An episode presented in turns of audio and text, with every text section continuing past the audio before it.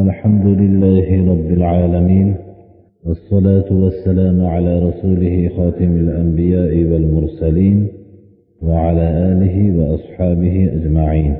أما بعد السلام عليكم ورحمة الله. قال رسول الله صلى الله عليه وسلم من أراد أن تستجاب دعوته وأن تكشف كربته فليفرج من معسرين. Ahmad ibn hambalning hadis to'plamlarida keltirilgan ekan bu hadis sharifni. Rasululloh sollallohu alayhi vasallam marhamat qilib aytdilarki kim duosining ijobat qilinishligini xohlasa duosini ijobat qilinishligidan nima kinoya bo'ladi? Inson alloh subhanahu va taolodan o'zining eng yaxshi maqsadlarini so'raydi. Demak o'zining maqsadini ro'yobga chiqishligini xohlasa va o'zidagi biror bir musibat yetgan bo'lsa shu musibatning ko'tarilishligini xohlasa muasir qiynalgan odamdan g'amini yoyinki biror boshiga bir musibat yetgan bo'lsa shuni ko'tarsin qiynalgan kishining inson o'zining toqatidagi imkoniyat boricha undagi musibatni ko'tarishlik alloh subhanahu va taologa qilgan duosining ijobat bo'lib maqsadining ro'yobga chiqishligiga sabab bo'ladi. Demak ba'zi bizni xalqlarimiz o'rtasidagi an'analarga bir diqqat bilan qaralsa shu narsalar qiynalgan odamlarning g'amlarini ko'tarishlik asosiga qurilganmi yo'qmi? Bizdagi ko'p an'analarni tekshirib ko'rilinsa qiynalgan odamni yana ham qiynalishlik botqog'iga olib kirib qo'yishlik asosiga qurilgan birodar. Masalan bir kishi vafot qiladigan bo'lsa shu vafot qilgan kishining xonadonida yosh bolalar qoladi. Endi bir iqtisodiy tarafdan yordam olib keladigan kishi shu xonadondan yo'qoladi. Shundan keyin biz o'zimiz doim alloh subhanahu va taolodan duoyimiz ijobat bo'lishligini orzu qilib yuramiz. Shunda muasir kim? Mana shu yerda qolgan yetimlar hammasi muasir qiynalgan kishilar. Shu qiynalgan kishilarning xonadonlariga yana ham bir qiynalishlikni vujudga keltirishligimiz bizning duolarimizni ijobat bo'lishligini yo'lini to'sadi birodarlar. Keyin boshimizga musibat tushsa yig'lasak ham duoyimiz ijobat bo'lmaydi. Shuning uchun islomdagi qurilgan an'analarga bir diqqat bilan qaralsa hammasi qiynalgan kishining boshidan musibatni ko'tarishlik asosiga qurilgan.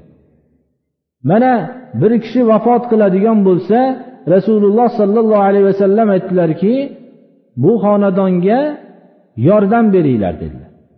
Jafar ibn abi tolibning oilalari qoldi farzandlari qoldi o'zlari shahid bo'lib ketganda aytdilarki isnau li ali jafarin ta'aman fa innahum qad atahum ma shaghalahum. Ba'zi rivoyatlarda fa innahum qad shaghalahumul maut. Oli jafarga taom qilib olib kiringlar dedilar. Ularga o'lim kelib qoldi o'zlarini mashg'ul qilib qo'yadigan narsa kelib qoldi yordam beringlar dedilar. Ana bu duolarning ijobat bo'lishligini xohlagan odam shunaqa xonadonlardan ehtiyot bo'lmoqligi kerak. U yerga bir qiyinchilikni vujudga kelib qolishligidan ehtiyot bo'lishlik kerak. Bizlarning aksar avlodlarimizni islomni o'rganishlikdan qolib ketishligiga sabab ham shunday keraksiz bir bo'lgan o'zlarimiz tarafimizdan paydo qilingan an'analarni rivojlantirib ta'lim olishlik kerak bo'lgan avlodlarimizni ham shu dunyo topishlikka safarbar qilganligimizdir birodarlar.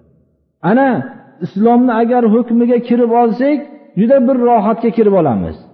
O'zlarimizga tepa tarafdan yetayotgan zulmlarni qanday bir daf qilishimiz kerak?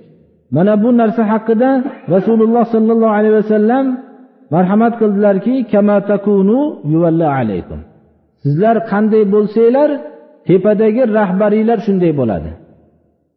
Agar zulm qiluvchi peshvolardan qutulishlik uchun harakat qilishlikni birinchi mo'min kishilar o'zidan boshlashliklari kerak. O'zlarini isloh qilishlik bilan boshlashligi kerak. Bu degan so'z peshvolarni zulm qilsa o'z holida qo'yib qo'yaverish degani emas. Lekin shu zulmni yo'qolishligini xohlagan odam o'zini tarbiyalashlikdan boshlashligi kerak. Alloh subhanahu va taolo kishilarning o'zlarini tabiatlariga muvofiq rahbarlarni ato qiladi.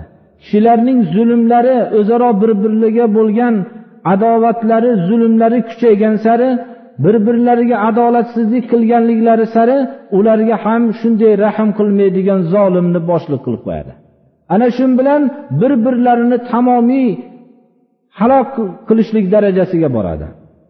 Bu degan so'z zulm qilayotgan peshvolar bizlarning zulm qilishligimizga sabab o'zinglarsizlar deb xalqlarga xitob qilishligiga bahona bo'lishligi mumkin emas. Umar ibn hattobni aytgan so'zlari borki agar firot daryosining bo'yida biror bir tuya yo'qolib qoladigan bo'lsa qiyomat kuni men o'zimni mas'ul deb bilaman degan ekanlar. Ana xalqlarningga bo'layotgan mashaqqatni xalifalar islom xalifalari mening aybim deb bilishgan ekanlar. Hatto ba'zi xulafoi roshidindan ba'zilarini rivoyat qilishadilarki haj mavsumlarida aytgan ekanlarki qaysi bir odamga qaysi bir viloyatda zulm yetadigan bo'lsa mana shu odamning men zulmini qaytarib olib berolmasam meni xalifaligimni tan olmasin degan ekanlar. Bu yuqoridagi turgan kishilar xalqlarga zulm qilayotganligini xalqlarning o'zini fe'li deyishligiga haqqi yo'q. Xalqlar ammo o'zlarining yuqorisidagi zolimlarni zulmini yo'qolishligini xohlaydigan bo'lsa avval o'zlarini o'nglashlikdan boshlamoqliklari kerak. Payg'ambarimiz sollallohu alayhi vasallam alaykum dedilar. O'zinglar qanday bo'lsanglar sizlarga ham shunday voliy qilinadi dedi mana bu tarixda ham bu isbotlandi birodarlar. Xalqlar o'nglangani sari xalqlarning ustiga mehribon rahbarlar bo'ldi. Islom davridagi xulafoi roshidin davrini qaralsa oltin davr hisoblanadi. Ammo xalqlar islomdagi qonunlarni buzishib islomdagi axloqlarni yo'qotgan sari olloh rahm qilmaydigan zolimlarni ustiga olib keldi mana. Ular dod faryod qilishsalar ham duolari ijobat bo'lmadi birodarlar. Kim o'zining duosini ijobat bo'lishligini xohlaydigan bo'lsa qaysi bir sohada qiynalayotgan kishiga yordam berishligi kerak. Shundagina o'zining duosi ijobat bo'ladi va mashaqqati ko'tariladi.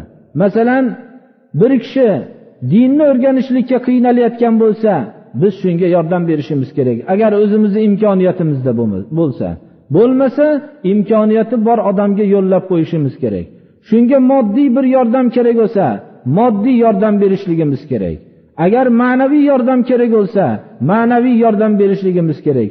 Shunda duolarimiz ijobat bo'ladi. Duolarimizni ijobat bo'lishligining ma'nosi bizni maqsadimiz ro'yobga chiqadi birodarlar. Alloh subhanahu va taolo hozirgi hadis shariflarga amal qilishlikka alloh tavfiq bersin. Din yo'lida qiynalayotgan kishilarga yordam berishlikka alloh hammamizni nasib qilsin va o'zimizni o'nglashlikka alloh tavfiq bersin. Shu bilan bizga rahbar bo'ladigan odamlar hammasi shunda o'nglanadi birodarlar mana. Biz qattiq islomda bo'lsak bizni rahbarlarimiz islomga qattiq amal qiladigan bo'ladi. Agar biz islomga beparvo bo'lsak bizlarga rahm qilmaydiganlarni alloh taolo olib kelib qo'yadi birodarlar mana. Umar ibn hattob aytgan ekanlarki lashkar boshliqlariga aytgan ekanlar dushmandan ko'ra gunohiylardan ko'proq qo'rqinglar degan ekanlar. Dushmanni sizlar dushmanni sizlarga yetkazgan zarari oxiratda najot bo'ladi. ammo o'zinglarni gunohiylarni jinoyati bu dunyoyu oxiratda sizlarga vabol bo'ladi degan ekanlar اهدنا الصراط المستقيم صراط الذين أنعمت عليهم غير المغضوب عليهم ولا الضالين oqshom oynakka qarasa harom deb eshitdik bu endi oqshom oynakka qarasa harom bo'ladi degan gap bu mumkin emas birodarlar bu endi oynakka qaraladigan vaqt o'zi taqozo qiladigan bo'lsa kunduzi kechasi bo'lishligini farqi yo'q bunga Shu muhtoj bo'lganda qaraladi oynakka yana bu kiyimga ba'zi xushbo'y deb e'tibor qilingan narsalarni sepilsa mumkin emas deb eshitdik deyaptilar. Buni javobi shuki mast qiluvchi ichimlik qo'shilingan narsaga narsani xushbo'yni qo'shgan bo'lsak u narsani iste'mol qilishlik mumkin emas. Durust emas deymiz. Shuni bilamiz xolos. Biz endi u nomi qo'yilgan xushbo'y narsalarni ichiga mast qiluvchi ichimlik qo'shilganmi qo'shilmaganmi bilmaymiz. Agar qo'shilgan bo'lsa buni iste'mol qilib bo'lmaydi mast qiluvchi ichimlik qo'shilingan narsalarni xushbo'yga iste'mol qilib bo'lmaydi mana. Duo qiling debdilar tolib ilmlarimizni. Alloh taolo islom hukmlariga hammamizni parvardigoro amal qilishlikka tavfiq bersin.